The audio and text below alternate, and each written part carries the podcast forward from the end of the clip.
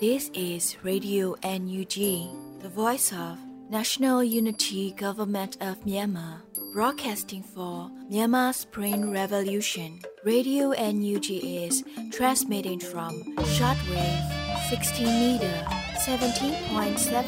megahertz at 8:30 a.m. and 25 meter 11.94 megahertz at 8:30 p.m. Myanmar Standard Time. မင်္ဂလာပါရှင်။အမျိုးသားညီညွတ်ရေးအစိုးရရဲ့အတန်လွတ်ဌာန Radio NUG ကိုမန္တပိုင်း၈နိုင်ခွဲမှာလိုင်းတူ6မီတာ19.3ခွန်ကုန်းမဂါဟတ်စ်နဲ့ညပိုင်း၈နိုင်ခွဲမှာလိုင်းတူ25မီတာ17.3ကိုလီမဂါဟတ်စ်တို့မှာဓာတ်ရိုက်ဖမ်းယူနားဆင်နိုင်ပါပြီရှင်။မင်္ဂလာအပေါင်းနဲ့ပြည့်စုံကြပါစေ။အခုချိန်ကစပြီး Radio NUG စီစဉ်လေးကိုဓာတ်ရိုက်အတန်လွှင့်ပေးနေပါပြီ။ မြန်မာနိုင်ငံသူနိုင်ငံသားအပေါင်းတဘာဝပြီးစစ်အာဏာရှင်ဘေးတို့ကနေကင်းဝေးပြီးဘေးကင်းလုံခြုံကျန်းမာကြပါစေလို့ရေဒီယိုအယူဂျီအဖွဲ့သားများကဆုတောင်းမေတ္တာပို့သလိုက်ရပါတယ်ရှင်ပထမဆုံးအနေနဲ့ကာကွယ်ရေးဝန်ကြီးဌာနရဲ့စစ်ရေးတရင်အချင်းချုပ်ကိုလွတ်လပ်နေဦးမှတင်ပြပေးမှာဖြစ်ပါတယ်ရှင်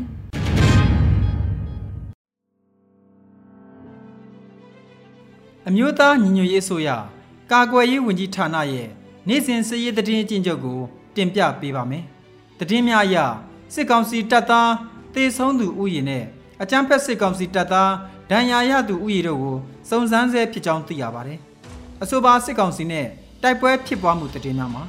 တနင်္သာရီတိုင်းတွင်ဒီဇင်ဘာလ9ရက်နေ့နံနက်ပိုင်းကဒဝယ်မြို့နယ်အရှိတော်ဒေသတရက်ငုတ်ကြီးရွာတွင်ဒဝယ်မှမြစ်တာဘက်သို့ချီလျင်ဝင်ရောက်လာတဲ့ စစ်ကောင်စီတပ်သားအင်အားတရာခန့်နဲ့ PDF ပူးပေါင်းတပ်ဖွဲ့တို့ထိတွေ့မှုဖြစ်ပွားခဲ့ပြီးထိခိုက်သေးဆုံးမှုကိုစုံစမ်းနေဆဲဖြစ်ပါတယ်။ဒီဇင်ဘာလ၄ရက်နေ့ကလောင်းလုံးမြို့နယ်ကရင်ကြီးရွာမှာဦးလေးလေးပြူစောတိစခန်းအား PDF ပူးပေါင်းတပ်ဖွဲ့ကဝင်ရောက်တိုက်ခိုက်ရာ PDF ရဲဘော်2ဦးခေါင်းရှက်တိတန်ရာရပြီးတဦးလက်မောင်းရှက်တိတန်ရာရရှိခဲ့ပါတယ်။တစ်ဆက်တည်းတွင်မောင်မကန်ရဲစခန်းသို့ဝင်ရောက်တိုက်ခိုက်ခဲ့ရာစစ်ကောင်စီတပ်သားအသေးပြောက်ရှိခဲ့ပါတယ်။ စစ်ကူဆင်းလာတဲ့စစ်ကောင်စီကားရန်ကိုလည်းမမကန်သုံးတက်လမ်းတွင်အင်အားပြင်းမိုင်းကြီးလေးလုံးဆွဲနိုင်ခဲ့ပြီးစစ်ကောင်စီတပ်သားအသေးပြောက်များနိုင်ပါတယ်။လောင်းလုံးမြို့ပေါ်မှာမြေစရင်ရုံနဲ့လဝကရုံရှိတွင်လည်းမိုင်းတလုံးဖောက်ခွဲနိုင်ခဲ့ကြောင်းသိရပါတယ်။ဆက်လက်ပြီးစစ်ကောင်စီကျူးလွန်ခဲ့တဲ့ရာဇဝမှုများကိုတင်ပြပေးပါမယ်။ကချင်ပြည်နယ်တွင်ရွှေကူမြို့နယ်စင်တက်ကျေးရွာတွင်နိုဝင်ဘာလ23ရက်၌စစ်ကောင်စီတပ်ကဖမ်းဆီးခေါ်ဆောင်သွားတဲ့ဒေသခံ73ဦးကို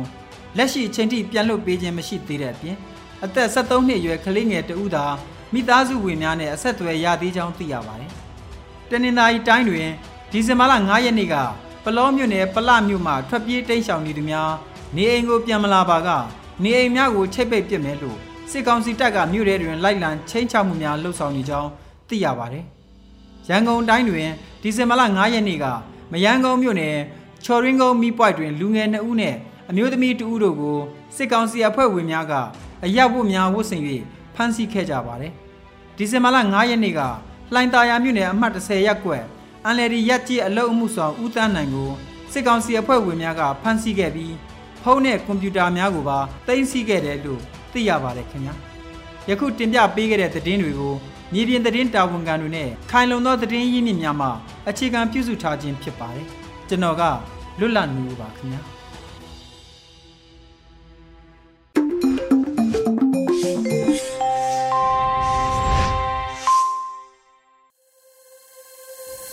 ဆက်လက်ပြီး Radio UNG ရဲ့နောက်ဆုံးရသတင်းများကို Airy မှဖတ်ကြားတင်ပြပေးပါမယ်ရှင်။မင်္ဂလာမနက်ခင်ပါရှင်။2022ခုနှစ်ဒီဇင်ဘာလ9ရက်နေ့မနက်ခင်းပြည်တွင်းသတင်းတွေကိုတင်ပြပေးတော့မှာဖြစ်ပါတယ်။ကျွန်မကတော့ Airy ပါရှင်။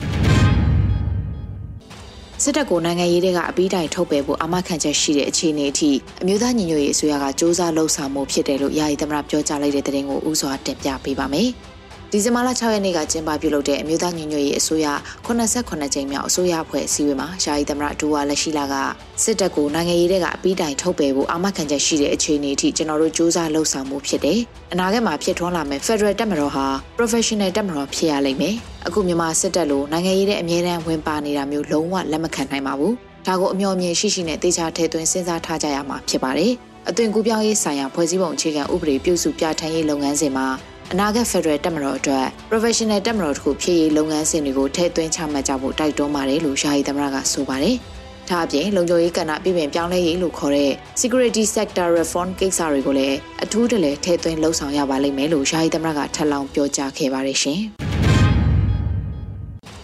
ဘလို့အခြေအနေမျိုးမှာပဲမဆိုလူမဆန်တဲ့အကြမ်းဖက်စစ်ကောင်စီတွေလိုအတိတရားမဲ့လို့မဖြစ်ဘူးလို့ကာကွယ်ရေးရဲဘော်တွေကိုပြည်တော်စုဝန်ကြီးချုပ်တရင်စကားပါလိုက်ပါတယ်။ ဒီဇင်ဘာလ6ရက်နေ့ကအစိုးရအဖွဲ့အစည်းအဝေးမှာပြည်ထောင်စုဝန်ကြီးချုပ်မန်းဝင်းခိုင်တန်းကဘလို့အခြေအနေမျိုးမှမဆိုလူမဆန်တဲ့အကြမ်းဖက်စစ်ကောင်စီတွေလိုအတိတရားမဲ့လို့မဖြစ်ဘူးလို့ကာကွယ်ရေးရဲဘော်တွေကိုသတင်းစကားပါလိုက်ပါတယ်။ကာကွယ်ရေးဝန်ကြီးဌာနအနေနဲ့လည်း မိမိတို့ရဲ့တော်လှန်ရေးတပ်ဖွဲ့ဝင်တွေအားလုံးစစ်ဖက်ဆိုင်ရာဥပဒေတွေစီးရေးညွှန်ကြားချက်တွေကိုတေချာလိုက်နာဆောင်ရွက်ဖို့ကြကြမမတ်စီမံဆောင်ရွက်သွားရမှာဖြစ်ပါတယ်။ကျွန်တော်တို့ဟာဓမ္မဘတ်တော်သားတော်လှန်ရေးသမားတွေဖြစ်ပါတယ်။ကျွန်တော်တို့ပန်းနိုင်ဖြစ်တဲ့ရက်ဆက်ကြမ်းကြုတ်လွန်တဲ့အကြမ်းဖက်စစ်အုပ်စုကိုအမြင့်ဖြတ်နိုင်မှုအတွက်စီးရေးနီးလန့်နဲ့တိုက်ပွဲဝင်နေကြတယ်ဆိုပေမဲ့ဘလို့အခြေအနေမျိုးမှမဆိုလူမဆန်တဲ့အကြမ်းဖက်စစ်ကောင်စီတွေလိုအတိတရားမဲ့လို့မဖြစ်တယ်လို့တရားလက်လွတ်ပြုကျင့်သူတွေလည်းမဖြစ်ဖို့အရှိကြီးပါတယ်လို့ဝန်ကြီးချုပ်ကဆိုပါတယ်။ တမူးမျိုးကဒလန်လို့ယူဆရတဲ့အမျိုးသမီးတူပြစ်တက်ခံခဲ့ရတဲ့ဖြစ်စဉ်နဲ့ပတ်သက်ပြီးပြည်သူ့ကာကွယ်ရေးတပ်မတော်သားတွေပါဝင်ပတ်သက်ခြင်းရှိမရှိကိုစုံစမ်းစစ်ဆေးခြင်းတွေပြုလုပ်ဖို့ညွှန်ကြားထားပြီးပါဝင်ပတ်သက်ခဲ့တဲ့ဆိုရင်လည်းတရားဥပဒေနဲ့အညီထိရောက်စွာအရေးယူသွားရမှာဖြစ်တယ်လို့ဝန်ကြီးချုပ်ကထပ်လောင်းပြောကြားခဲ့ပါတယ်ရှင်။ဆက်လက်ပြီးမြန်မာစီးပွားရေးဥပိုင်လီမိတက်နဲ့မြန်မာစီးပွားရေးကော်ပိုရေးရှင်းတို့ကိုအကြမ်းဖက်အုပ်စုတွေအဖြစ်ကြီးညာပြီးပိုင်ဆိုင်မှုတွေအားလုံးကိုသိမ်းမယ်လို့ NUG ကကြီးညာလိုက်တဲ့သတင်းကိုဆက်လက်တင်ပြပေးပါမယ်။ ဒီဇင်ဘာလ6ရက်နေ့မှာအမျိုးသားညီညွတ်ရေးအစိုးရအကြမ်းဖက်မှုတိုက်ဖျက်ရေးဗဟိုအဖွဲ့အမိန့်ကြေညာစာအမှတ်တင်မြင့်ဆောင်2022ကိုထုတ်ပြန်ကြေညာခဲ့ပါတယ်။မြန်မာစီးပွားရေးဥပိုင်လီမိတက်နဲ့မြန်မာစီးပွားရေးကော်ပိုရေးရှင်းတို့ဟာမရောက်လိုက်ဦးဆောင်တဲ့အကြမ်းဖက်စစ်အုပ်စုတပ်ဆိုးရှိစေဖို့စီးပွားရေးလုပ်ငန်းပေါင်းစုံကိုလဝကြီးအုပ်ချဲလေပြီးနှစ်စဉ်ဖန်နာရမုံငွေတွေများစွာရှောက်ဖွေထောက်ပံ့လျက်ရှိကြောင်းစစ်စစ်တွေ့ရှိရတယ်လို့ဆိုထားပါတယ်။အဆိုပါရမုံငွေတွေဟာ အကြမ်းဖက်စစ်တပ်ရဲ့ထိပ်ပိုင်းခေါင်းဆောင်တွေနဲ့အရာရှိကြီးတွေအတွက်ပဲအကျိုးစီးပွားဖြစ်ထွန်းလျက်ရှိပြီးအောက်ခြေကအကြက်စစ်တီတွေကတော့ခံစား권မရှိသလောက်နေပါလျက်ရှိကြောင်းကိုအမျက်ခွဲဝေမှုဆိုင်ရာအထောက်အထားစာရွက်စာတမ်းတွေအရသိရှိရပါတယ်လို့ဖော်ပြပါတယ်။ဒါအပြင်၎င်းအကျိုးအမြတ်တွေကိုအသုံးပြုပြီးအကြမ်းဖက်စစ်အုပ်စုဟာနေ့စဉ်နဲ့အမျှနိုင်ငံတော်မှာရှိတဲ့အပြစ်မဲ့ပြည်သူတွေအပေါ်လူမဆန်စွာအကြမ်းဖက်တိုက်ခိုက်တပ်ဖြတ်မှုတွေကျူးလွန်လျက်ရှိနေတယ်လို့လည်းဆိုထားပါတယ်။ တို့ဖြစ်ပါ၍မြန်မာစီးပွားရေးဥပဒေ limited နဲ့မြန်မာစီးပွားရေး corporation တို့ကိုအကြမ်းဖက်အုပ်စုတွေအဖြစ်ကြီးညာလိုက်ပြီးအဆိုပါအကြမ်းဖက်အဖွဲ့အစည်းတွေရဲ့ပိုင်ဆိုင်မှုတွေအားလုံးကိုအကြမ်းဖက်မှုတိုက်ဖျက်ရေးဥပဒေပုံမှန်3ပုံမှန်ခွဲခါကြီးရအကြမ်းဖက်အုပ်စုပိုင်းပစ္စည်းတွေအဖြစ်သတ်မှတ်ပြီးအများပြည်သူအကျိုးစီးပွားအလို့ငါအကြမ်းဖက်မှုတိုက်ဖျက်ရေးဥပဒေပုံမှန်6ပုံမှန်ခွဲထဝင်မဲနဲ့အညီထိန်းချုပ်စီမံခန့်ခွဲသွားမယ်လို့အကြမ်းဖက်မှုတိုက်ဖျက်ရေးဗဟိုအဖွဲ့ကထုတ်ပြန်ကြေညာထားပါတယ်ရှင်။ အခုဆက်လက်ပြီးဥပိုင်နဲ့ MEC ကိုအကြံဖတ်အုပ်စုတွေအဖြစ်ကြီးညာချက်ကပထမခြေလှမ်းဖြစ်ပြီး action plan တွေဆက်လာမယ်လို့ဝန်ကြီးဦးတင်ထွန်းနိုင်အသိပေးလိုက်တဲ့သတင်းကိုလည်းတင်ပြပေးပါမယ်။ဒီဇင်ဘာလ6ရက်နေ့ညပိုင်းမှာစီမံကိန်းဗဏ္ဍာရေးနဲ့ရင်းနှီးမြှုပ်နှံမှုဝန်ကြီးဌာနပြည်ထောင်စုဝန်ကြီးဦးတင်ထွန်းနိုင်ကမြန်မာစီးပွားရေးဥပိုင်လီမိတက်နဲ့မြန်မာစီးပွားရေးကော်ပိုရေးရှင်းတို့ကိုအကြံဖတ်အုပ်စုတွေအဖြစ်ကြီးညာချက်နဲ့ပတ်သက်လို့ဒီကြီးညာချက်ကပထမခြေလှမ်းဖြစ်ပါတယ်။နောက်ဆက်တွဲ action plan တွေဆက်လာပါမယ်လို့ဆိုပါတယ်။ မြန်မာစီးပွားရေးဥပိုင်လီမိတက်နဲ့မြန်မာစီးပွားရေးကော်ပိုရေးရှင်းတို့ကိုအကြမ်းဖက်အုပ်စုတွေအဖြစ်ကြီးညာချက်ကိုဒီဇင်ဘာလ6ရက်နေ့မှာမြို့သားညီညွတ်ရေးအစိုးရအကြမ်းဖက်မှုတိုက်ဖျက်ရေးဗဟိုအဖွဲ့ကအမိန့်ကြီးညာစာအမှတ်1မြင်းဆောင်2022ထုတ်ပြန်ကြီးညာခဲ့တာဖြစ်ပါတယ်။ထုတ်ပြန်ချက်အရမြန်မာစီးပွားရေးဥပိုင်လီမိတက်နဲ့မြန်မာစီးပွားရေးကော်ပိုရေးရှင်းတို့ရဲ့ပိုင်ဆိုင်မှုတွေကိုအကြမ်းဖက်အုပ်စုပိုင်းပစ္စည်းတွေဖြစ်သတ်မှတ်ပြီးအများပြည်သူအကျိုးစီးပွားအလုံးကအကြမ်းဖက်မှုတိုက်ဖျက်ရေးဥပဒေပုံမှန်6 ပုံမှန်ခွဲထောက်ဝင်ဖဲနဲ့အညီထိန်းချုပ်စီမံခန့်ခွဲသွားမယ်လို့ကြေညာထားတာလည်းဖြစ်ပါတယ်ရှင်။ဆရာနာရှင်ကိုလည်းတိုက်ထုတ်တယ်လို့အနာဂတ်တိုင်းပြည်ကိုဦးဆောင်မဲ့မျိုးဆက်သစ်ကလေးတငယ်တွေရဲ့ပညာရေးအတွက်လည်းမေ့ထားလို့မဖြစ်ဘူးလို့ဒုဝန်ကြီးဒေါ်ဤတင်ဆောင်မှပြောကြားလိုက်တဲ့သတင်းကိုတင်ပြပေးပါောင်းမယ်။ ဒီဇင်ဘာလ6ရက်နေ့မှာအမျိုးသမီးလူငယ်နဲ့ကလေးတငယ်ရေးရာဝန်ကြီးဌာနဒုတိယဝန်ကြီးဒေါ်ဤတင်ဆောင်မောင်ကအခုလိုပြောပါတယ်။လက်ရှိအချိန်မင်းတပ်မြို့မှာစစ်ပေးဆောင်ကလေးငယ်ပေါင်း12000ကျော်ရှိပါတယ်။ကျမတို့ဟာစစ်အာဏာရှင်ကိုလည်းတိုက်ထုတ်တယ်လို့အနာဂတ်တိုင်းပြည်ကိုဦးဆောင်မဲ့မျိုးဆက်သစ်ကလေးတငယ်တွေရဲ့ပညာရေးအတွက်လည်းမေ့ထားလို့မဖြစ်ပါဘူး။ဒါကြောင့်မင်းတပ်မှာရှိတဲ့စစ်ဘေးရှောင်ကလေးငယ်တွေရဲ့ပညာရေးအတွက်ထောက်ပံ့ပေးနိုင်ဖို့မင်းတပ်စစ်ဘေးရှောင်ကလေးငယ်များအတွက်ပြုလုပ်တဲ့ဒီကမ်ပိန်းလေးမှာပါဝင်ပေးဖို့ဖိတ်ခေါ်ပါတယ်လို့ဆိုထားပါတယ်။ မင်းတပ်မြို့ကစစ်ဘေးရှောင်ကလေး12000ရဲ့ပညာသင်ကြားရေးအတွက်ပြည်သူအလုံးကူညီပေးမင်းတပ်စစ်ရှောင်ပညာရေးကမ်ပိန်းကိုစတင်ခဲ့တာ3ရက်မြောက်ကိုရောက်ရှိလာပြီဖြစ်တယ်လို့လက်ရှိအချိန်အထိကျောင်းသားအယောက်1000စာငွေပမာဏအဖြစ်330ဝန်းကျင်လက်ခံရရှိထားပြီလို့သိရှိရပါတယ်ရှင်။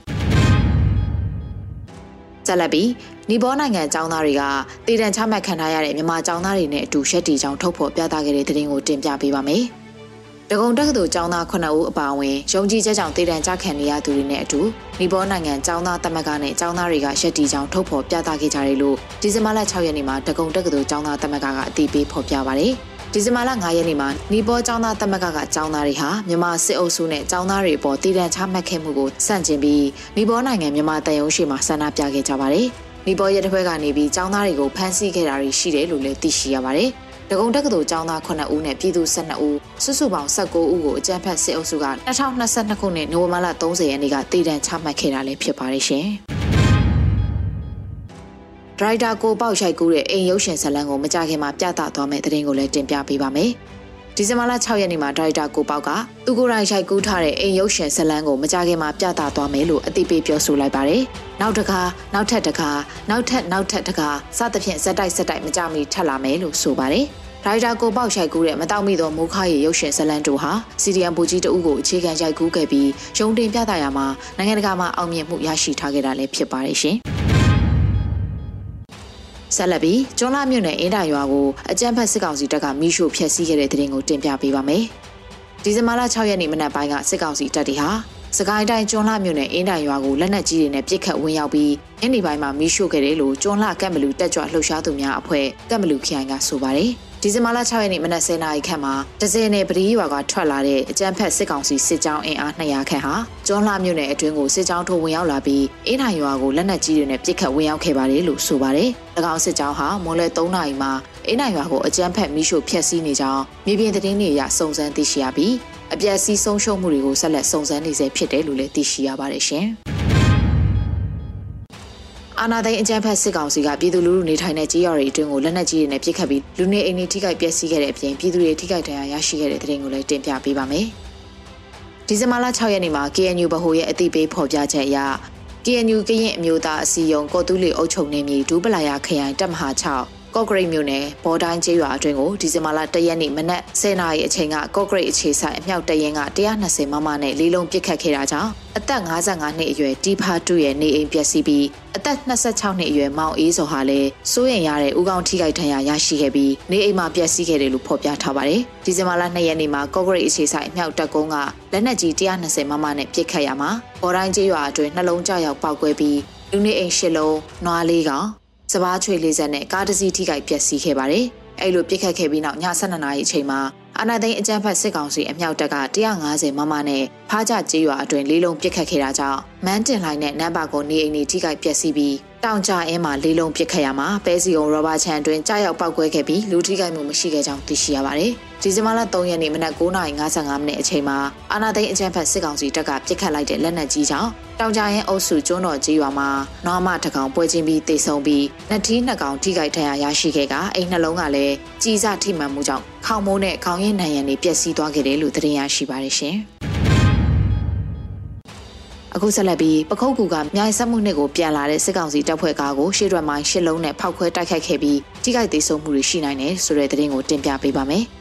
ဒီဇင်ဘာလ6ရက်နေ့မှာမြိုင် Gorilla People Defense Force ရဲ့အသိပေးပြောဆိုချက်အရပခုတ်ကူကနေမြောင်ဆက်မှုနှစ်ကိုပြန်လာတဲ့စစ်ကောင်စီတပ်ဖွဲ့ကားကိုရှေ့ရမိုင်းရှစ်လုံးနဲ့ဖောက်ခွဲတိုက်ခိုက်ခဲ့ပြီးတိကျသေးဆုံးမှုတွေရှိနိုင်တယ်လို့သတင်းရရှိပါတယ်။ဒီဇင်ဘာလ6ရက်မနက်9:12မိနစ်အချိန်မှာပခုတ်ကူကနေမြိုင်ဆက်မှုနှစ်ကိုပြန်လာတဲ့ခွေးကားကိုတွင်းမပြူစခန်းနဲ့တရက်ကန်ပြူစခန်းကြားမှာရှေ့ထွက်မိုင်းရှစ်လုံးနဲ့ဖောက်ခွဲတိုက်ခိုက်ခဲ့ရမှာစစ်ကောင်စီတပ်တွေပြင်းထန်စွာထိခိုက်သေးဆုံးနိုင်ပါတယ်လို့ဆိုပါတယ်။စစ်စင်ရေးကိုဂလုံပြည်သူ့ကာကွယ်ရေးတပ်ဖွဲ့မြိုင်ပကဖတရင်1တပ်ခွဲ2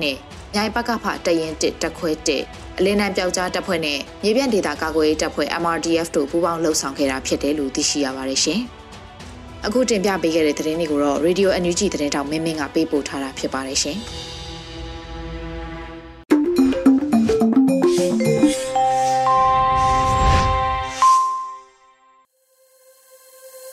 ရေဒီယိုအန်ယူဂျီမှဆက်လက်တင်ပြနေပါတယ်။ယခုတဖန်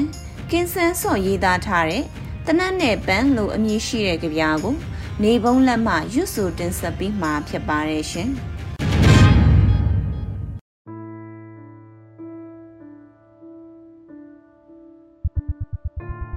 တနတ်နဲ့ပန်း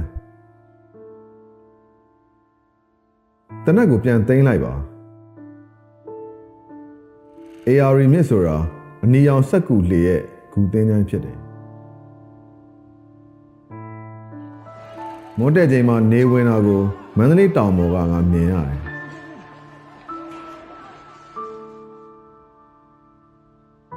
တားဖြစ်သူရဲ့ခန္ဓာကိုယ်ကကြည်ပေါက်ရတယ်အမေဖြစ်သူကပန်းဆိုင်ခဲ့တယ်ပန်းဥယျာဉ်တစ်လျှောက်ညိုညစ်ဆေးပစ်တဲ့သွေးတွေစီးကျနေရဲ့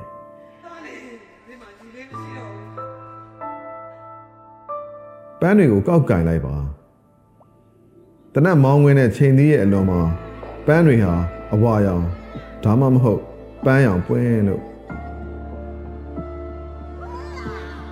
ဒါကြောင့်တနက်ပြောင်းသွားမှာငါပန်းလို့ပွင့်လာလိမ့်မယ်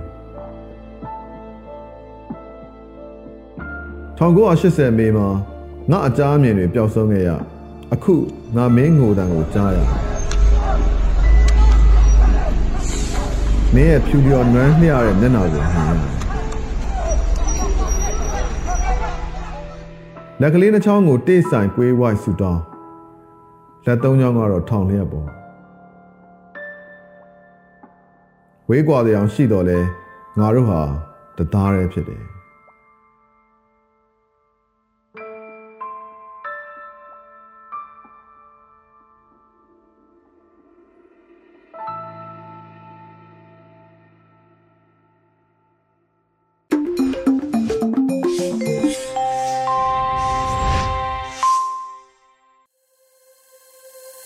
ရေဒီယိုအယူကြီးမှဆက်လက်တမ်းလွှင့်နေပါတယ်။အခုဆက်လက်ပြီးပြည်သူခုခံတော်လှန်စစ်တရင်များကိုအောင်ຫນွေဦးမှတင်ဆက်ပေးမှာဖြစ်ပါတယ်ရှင်။ပထမဦးစွာတင်ဆက်မှာကမုံရမြို့ဝင်တွင်တက်ဆွဲထားသောစစ်သားများကို PDF တပ်ဖွဲ့ဝင်များဝင်ရောက်ပစ်ခတ်မှုစစ်သားရှိဦးတေဆုံးပြီး PDF တဦးကြာဆုံးခဲ့တဲ့သတင်းဖြစ်ပါတယ်။စကိုင်းတိုင်းမုံရမြို့အဝင်တွင်တက်ဆွဲထားသောစစ်သားများကို PDF တပ်ဖွဲ့ဝင်များကဝင်ရောက်ပစ်ခတ်မှုစစ်သားရှိဦးတေဆုံးခဲ့ကြောင်းဒေသခံကာကွယ်ရေးတပ်ဖွဲ့များထံမှသိရပါတယ်။ဒီဇင်ဘာလ9ရက်နေ့နနက်10:00နာရီခန့်တွင်မုံရမန္တလေးလမ်းပိုင်းမုံရအဝင်ရေဦးစံဆိုင်နေရှိပြည်သူ့ပိုင်းအဆောက်အဦတစ်ခုတွင်တက်ဆွဲထားသောစစ်သားများကိုကာဝေးတပ်ဖွဲ့များကအလစ်ငိုက်ဝင်ရောက်ပစ်ခတ်ခဲ့ခြင်းဖြစ်ပါတယ်။ပစ်ခတ်တိုက်ခိုက်မှုတွင်စစ်စေးရေးလှုပ်ဆောင်နေသောစစ်သား2ဦး ဘန်ကာတဲအိတ်ထက်ကဝကျင်းလုံနေသောစစ်သား5ဦးနှင့်ဝရဏအပေါ်မှစစ်သား2ဦးတို့တိတ်ဆုံးခဲ့ကြောင်းသိရပါတယ်။ပစ်ခတ်မှုတွင် PDF ရဲဘော်တို့ကြာဆုံးကစစ်တပ်ကရန်တမ်းပစ်ခတ်မှုကြောင့်ပြည်သူ2ဦးတိတ်ဆုံးခဲ့ကြောင်းဒေသခံကာကွယ်တပ်ဖွဲ့ရဲ့ထုတ်ပြန်ချက်မှာဖော်ပြထားပါတယ်။ဆက်လက်ပြီး KNU နယ်မြေမှာနိုဝင်ဘာလအတွင်းတိုက်ပွဲများအတွင်းအကြမ်းဖက်စစ်သား330ကျော်တိတ်ဆုံးခဲ့တဲ့သတင်းကိုတင်ဆက်မှာဖြစ်ပါတယ်။ ကင်မျိုးသားစီယုံကော်တူလေးနယ်မြေတွင်းရှိတပ်မဟာ6ခု၌နိုဝင်ဘာလအတွင်းတိုက်ပွဲပေါင်းအကြိမ်290ဖြစ်ပွားခဲ့ပြီးကျမ်းပတ်စစ်ကောင်စီတပ်သား333ဦးသေဆုံးက283ဒဏ်ရာရရှိခဲ့ကြောင်း KNL ပူးပေါင်းတပ်ဖွဲ့မှ30ဦးကြာဆုံးက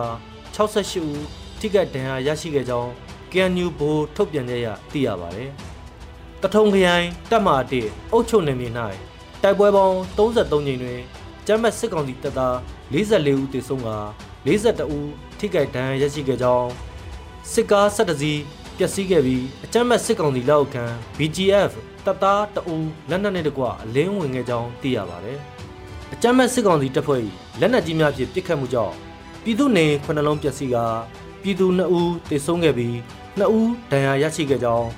လေကြောင်းမှဘုံကျဲတိုက်ခတ်မှုကြောင့်နေနှလုံးပျက်စီးက ပြည်သူ2ဦးထိခိုက်ဒဏ်ရာရရှိခဲ့ကြောင်းတောင်ငူခရိုင်တပ်မနှင့်အုပ်ချုပ်နယ်မြေ၌တိုက်ပွဲပေါင်း18ကြိမ်တွင်အကြမ်းဖက်စစ်သား53ဦးသေဆုံးက10ဦးထိခိုက်ဒဏ်ရာရရှိခဲ့ပြီးစစ်ကား3စီးပျက်စီးခဲ့ကြောင်းဂျမစစ်တပ်စစ်ကောင်စီလေကြောင်းတိုက်ခိုက်မှုကြောင့်ပြည်သူ2ဦးသေဆုံးက4ဦးဒဏ်ရာရရှိခဲ့ပြီးနေအိမ်3လုံးပျက်စီးခဲ့ကြောင်းပြည်သူနေအိမ်5လုံးကိုဂျမ်ဘတ်စစ်တပ်ကမိရှုဖျက်ဆီးခဲ့ကြောင်းညောင်လေးပင်ခရိုင်တပ်မဟာ3အုပ်ချုပ်နယ်မြေ၌ တိုက်ပွဲပေါင်းအကြိမ်30တွင်အကြမ်းမဲ့စစ်ကောင်စီတပ်သား40ဦးသေဆုံးက29ဦးထိခိုက်ဒဏ်ရာရရှိခဲ့ပြီးဂျမ်းမတ်စစ်တပ်စစ်စကန်3ခုစစ်ကားတစ်စီးပျက်စီးခဲ့ကြောင်းဂျမ်းမတ်စစ်တပ်၏လက်နက်ကြီးအလုံးရေ60ကျော်ပစ်ခတ်မှုကြောင့်နေအိမ်6လုံးစာတင်ကျောင်းတစ်ကျောင်းစေဘေးကန်တစ်ခုထိခိုက်ပျက်စီးခဲ့ကပြည်သူတအူးတေဆုံးခဲ့ပြီးနှစ်ဦးထိခိုက်ဒဏ်ရာရရှိခဲ့ကြောင်းအကြမ်းမဲ့စစ်ကောင်စီမှဒရုန်းဖြင့်ခုနှစ်ကြိမ်ခန့်ဘုံကျဲတိုက်ခတ်ရာ နေအိမ်၃လုံးစိတ်ုံတယုံထိခိုက်ပျက်စီးခဲ့ပြီးပြည်သူ6ဦးထိခိုက်ဒဏ်ရာရကာလေကြောင်းမှ34ကြိမ်ခန့်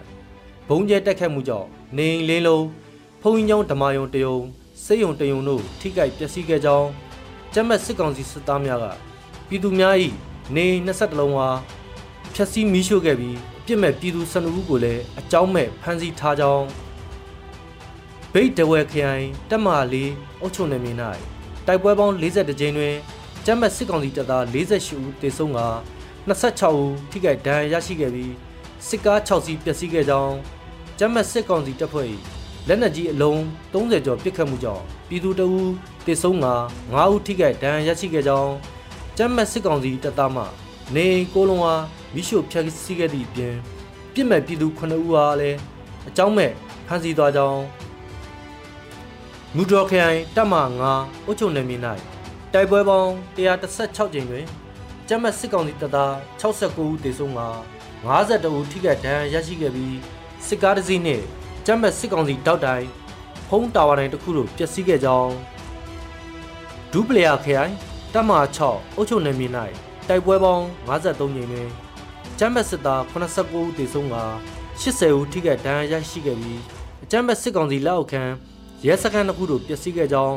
ကျမ်းမတ်စစ်ကောင်စီလက်အောက်ခံရဲ6ဦးကိုဖမ်းဆီးခဲ့မိပြီးကျမ်းမတ်စစ်ကောင်စီတပ်သား2ဦးကိုလည်းလက်နက်အပြည့်စုံဖြင့်လင်းဝင်ခဲ့ကြောင်း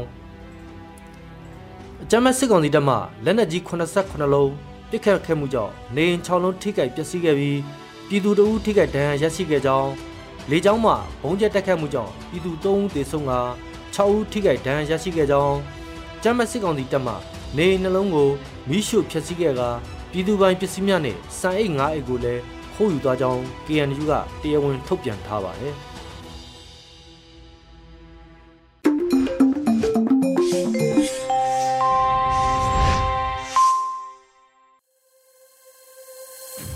။ယခုတစ်ဖန်တော်လန်ရေးတိခိတာအစီအစဉ်အနေနဲ့တေးရေးတေးဆိုဒီຫນွေဦးရဲ့ မဆိုင်သလိုနေတဲ့မင်းတို့တွေအတွက်သချင်းလိုအမည်ရှိတဲ့သချင်းကိုခန်းစားနားဆင်ကြရမှာဖြစ်ပါတယ်ရှင်။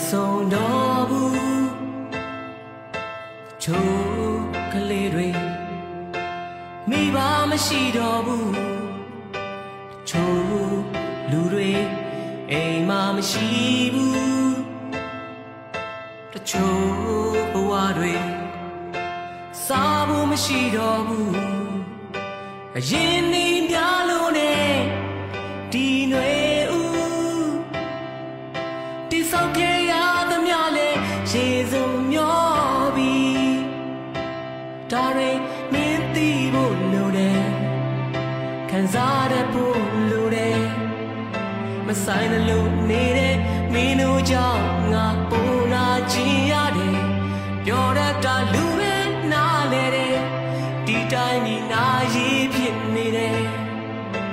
စာနာမှုထားပေးဆက်သူများအတွက်ကိုချင်းလဲ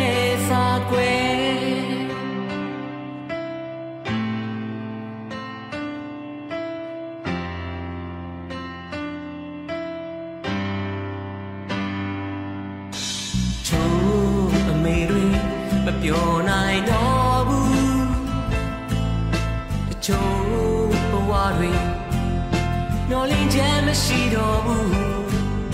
တချို့လူတွေပြန်မလာတော့ဘူးတချို့ဘဝတွေဘာမှမရှိတော့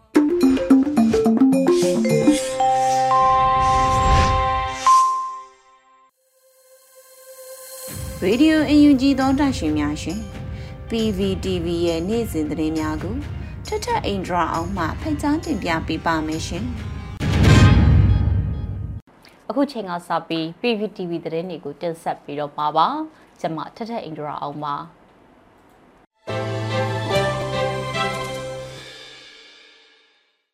ပထမဆုံးတင်ဆက်ပေးမှာကတော့ဂျာကာလာဒေသန္တရပြည်သူ့အုပ်ချုပ်ရေးဖော်ဆောင်မှုဗဟိုကော်မတီနဲ့ပြည်ထောင်စုလွှတ်တော်ကိုယ်စားလှယ်များအစည်းအဝေးပြုလုပ်တဲ့တဲ့တင်မှာ အမျိုးသားညီညွတ်ရေးအစိုးရဂျာကာလာဒေသန္တရပြည်သူ့အုပ်ချုပ်ရေးဖော်ဆောင်မှုဘိုကော်မတီနဲ့ပြည်ထောင်စုလွှတ်တော်ကိုယ်စားလှယ်များအစည်းအဝေးကိုဒီဇင်ဘာလ9ရက်မနက်10:00နာရီချိန်မှာပြုလုပ်ခဲ့ပါတယ်။အစည်းအဝေးမှာဂျာကာလာဒေသန္တရပြည်သူ့အုပ်ချုပ်ရေးဖော်ဆောင်မှုဘိုကော်မတီဥက္ကဋ္ဌပြည်ထောင်စုဝန်ကြီးချုပ်မန်ဝင်းခိုင်တန်းက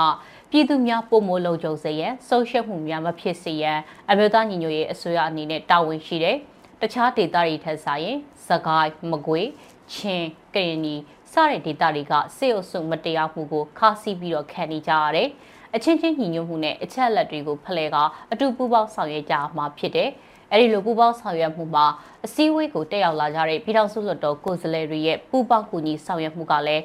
မပါပါကအခက်အခဲဖြစ်နိုင်တယ်လို့ပြောကြားခဲ့ပါတယ်။ဂျာကာလာဒေသန္တရပြည်သူ့အုပ်ချုပ်ရေးဖော်ဆောင်မှုဗဟိုကော်မတီအနေနဲ့ဗဟိုစည်းဝေးအပြင်ဒေတာအလိုက် ပအားဖအစည်းအဝေးတွေကိုတက်ရောက်ပြီးတော့အဖက်စင်ကြားနာသိရှိလာတဲ့မြေပြင်စီမံခန့်ခွဲမှုပြဿနာတွေကိုအဆက်မပြတ်စူးစမ်းဖြေရှင်းဆောင်ရွက်နေကြရတဲ့ဆိုတာနဲ့အမျိုးသားညီညွတ်ရေးအစိုးရရဲ့တနစ်တာမဟာဗျူဟာအစီအမံကိုချမှတ်ပြီးတော့ဝန်ကြီးဌာနအသီးသီးရဲ့ကော်မတီတို့မှတိုင်းရင်းသားမဟာမိတ် ERO တွေနဲ့ညှိနှိုင်းဆွေးနွေးပေါင်းဆက်ပြီးတော်လှန်ရေးကိုအဆုံးဖြတ်ပေးနိုင်မဲ့နှစ်တစ်နှစ်ဖြစ်ဖို့စီမံဆောင်ရွက်လျက်ရှိနေတာကိုလည်းပြည်ထောင်စုဝန်ကြီးချုပ်ကအသိပေးပြောကြားခဲ့ပါတယ်။ CRPH ဥက္ကဋ္ဌဦးအောင်ကြည်ညွန့်ကတော့ဝန်ကြီးဌာနတွေနဲ့မြေပြင်ချိတ်ဆက်မှုအင်မတန်အားကောင်းရန်လိုအပ်တယ်။အဖွဲ့အစည်းတွေကိုတိစောက်ရမှာဝန်ကြီးဌာနတွေမှာဆောင်ရွက်နေရတဲ့ပုံကိုယ်တွေကနိုင်ငံတကာအခင်းအကျင်းတွေဥပဒေအရတရားဝင်ရန်ရှင်းပြိုင်နေရတဲ့အကြမ်းဖက်စစ်ကောင်စီကိုရှင်းနိုင်တဲ့အုပ်ချုပ်ရေးရန်နေရာကိုတီထောင်ရန်လင်းဟဲသွားနိုင်တဲ့အုပ်ချုပ်ရေးလေဟာနယ်ကိုဖြည့်ဆည်းနိုင်ဖို့အတွက်စီစဉ်ရတဲ့မူဟာရတွေဆောင်ရွက်နေရတာတွေကိုတွေ့မြင်ပြီးတော့အမတန်လေးစားပါတယ်လို့ပြောကြားခဲ့ပါတယ်။ အဆိုပါအစည်းအဝေးကိုဂျာကာလာဒေသန္တရပြည်သူ့အုပ်ချုပ်ရေးဖော်ဆောင်မှုဗဟိုကော်မတီဥက္ကဋ္ဌပြည်ထောင်စုဝန်ကြီးချုပ်မန်ဝင်းခိုင်တန်းပြည်ထောင်စုလွှတ်တော်ကိုစားပြုကော်မတီဥက္ကဋ္ဌဦးအောင်ကြည်ညွန့်ပြည်ထောင်စုဝန်ကြီးတွေဒုတိယပြည်ထောင်စုဝန်ကြီးတွေပြည်ထောင်စုလွှတ်တော်ကိုယ်စားလှယ်တွေအမြဲတမ်းအတွင်းဝင်တွေဌာနဆိုင်ရာတွေကတာဝန်ရှိသူတွေတက်ရောက်ခဲ့တယ်လို့ပြည်ထောင်နယ်လူဝင်မှုကြီးကြပ်ရေးဝန်ကြီးဌာနကသတင်းထုတ်ပြန်ထားပါတယ်။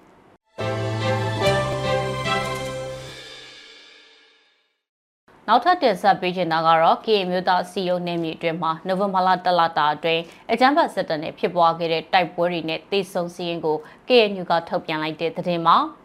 KNU အတွင်းမှာနိုဝင်ဘာလတလအတွင်းအကြမ်းဖက်စစ်တပ်နဲ့ဖြစ်ပွားခဲ့တဲ့တိုက်ပွဲတွေနဲ့အကြမ်းဖက်စစ်တပ်ရဲ့လူအခွင့်အရေးချိုးဖောက်မှုတွေကို KNU ဗဟိုကဒီကနေ့မှထုတ်ပြန်လိုက်တာပါ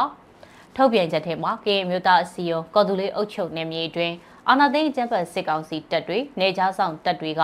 စီးလှုပ်ရှားမှုတွေနဲ့လူအခွင့်အရေးချိုးဖောက်မှုတွေကိုနေ့စဉ်ပြုလုပ်နေတဲ့အတွက်ကရင်မျိုးသားလွတ်မြောက်ရေးတပ်မတော် KNL ကရင်မျိုးသားကာကွယ်ရေးတပ်ဖွဲ့ KNDO တို့နဲ့တိုက်ပွဲကြီးတိုက်ပွဲငယ်တွေနေ့စဉ်ဖြစ်ပွားလျက်ရှိတယ်ဆိုပြီးတော့ဖော်ပြထားပါတယ်။ ကရင်မျိုးသားအစည်းအရုံး KNU ရဲ့တပ်မဟာနယ်မြေ1ကနေ6အထိမှာနိုဝင်ဘာလတလအတွင်းမှာတိုက်ပွဲကြီးတိုက်ပွဲငယ်ပေါင်း290အထိဖြစ်ပွားခဲ့ပြီးအကြမ်းဖက်စစ်တပ်က333ဦးသေဆုံးပြီးဒဏ်ရာရတဲ့အရေအတွက်က238ဦးထိရှိတယ်လို့ဖော်ပြထားပါတယ်။ KNU ခင်မျိုးသားစီယုံကော်တူလေးအုပ်ချုပ်နေပြီမှာအာနာသိန်းအကြံဖတ်စစ်ကောင်စီတပ်တွေနေကြားဆောင်တပ်တွေနဲ့ဖြစ်ပွားတဲ့တိုက်ပွဲတွေအတွင်း KNU မျိုးသားလွတ်မြောက်ရေးတပ်မတော် KNL KNU မျိုးသားကာကွယ်ရေးတပ်ဖွဲ့ KNDU တို့ဘက်ကတိုင်းပြည်နယ်လူမျိုးအတွက်30ဦးအသက်ဆုံးခဲ့ရပြီးတော့68ဦးထိထိခိုက်ဒဏ်ရာရရှိခဲ့တယ်လို့ဖော်ပြထားပါတယ်။ကျေးဇူးတင်ပါတယ်ရှင်။ဒီကနေ့ကတော့ဒီညနေပဲ Radio NUG ရဲ့အစီအစဉ်လေးကို ခေတ္တရနာလိုက်ပါမယ်ရှင်။မြမစံတော်ချိန်မနေ့၈နိုင်ခွဲနဲ့ည၈နိုင်ခွဲအချိန်တွေမှာပြောင်းလဲဆိုပြကြပါလို့ရှင်။ Radio NUG ကိုမနေ့ပိုင်း၈နိုင်ခွဲမှာလိုင်းတူ16မီတာ19.7 MHz နဲ့ညပိုင်း၈နိုင်ခွဲမှာလိုင်းတူ25မီတာ17.6 MHz တို့မှာဓာတ်ရိုက်ဖမ်းယူနားဆင်နိုင်ပါပြီရှင်။ မြန်မာနိုင်ငံသူနိုင်ငံသားများကိုစိတ်နှဖျားစမ်းမချမ်းသာလို့ဘေးကင်းလုံခြုံကြပါစေလို့ Radio NUG ရဲ့ဖွဲ့သူဖွဲ့သားများကဆုတောင်းလိုက်ရပါတယ်။ San Francisco Bay Area အခြေဆိုင်မြန်မာမိသားစုများနိုင်ငံတကာကစေတနာရှင်များလို့အားပေးများရဲ့ Radio NUG ဖြစ်ပါတယ်ရှင်။အရေးတော်ပုံအောင်ရမည်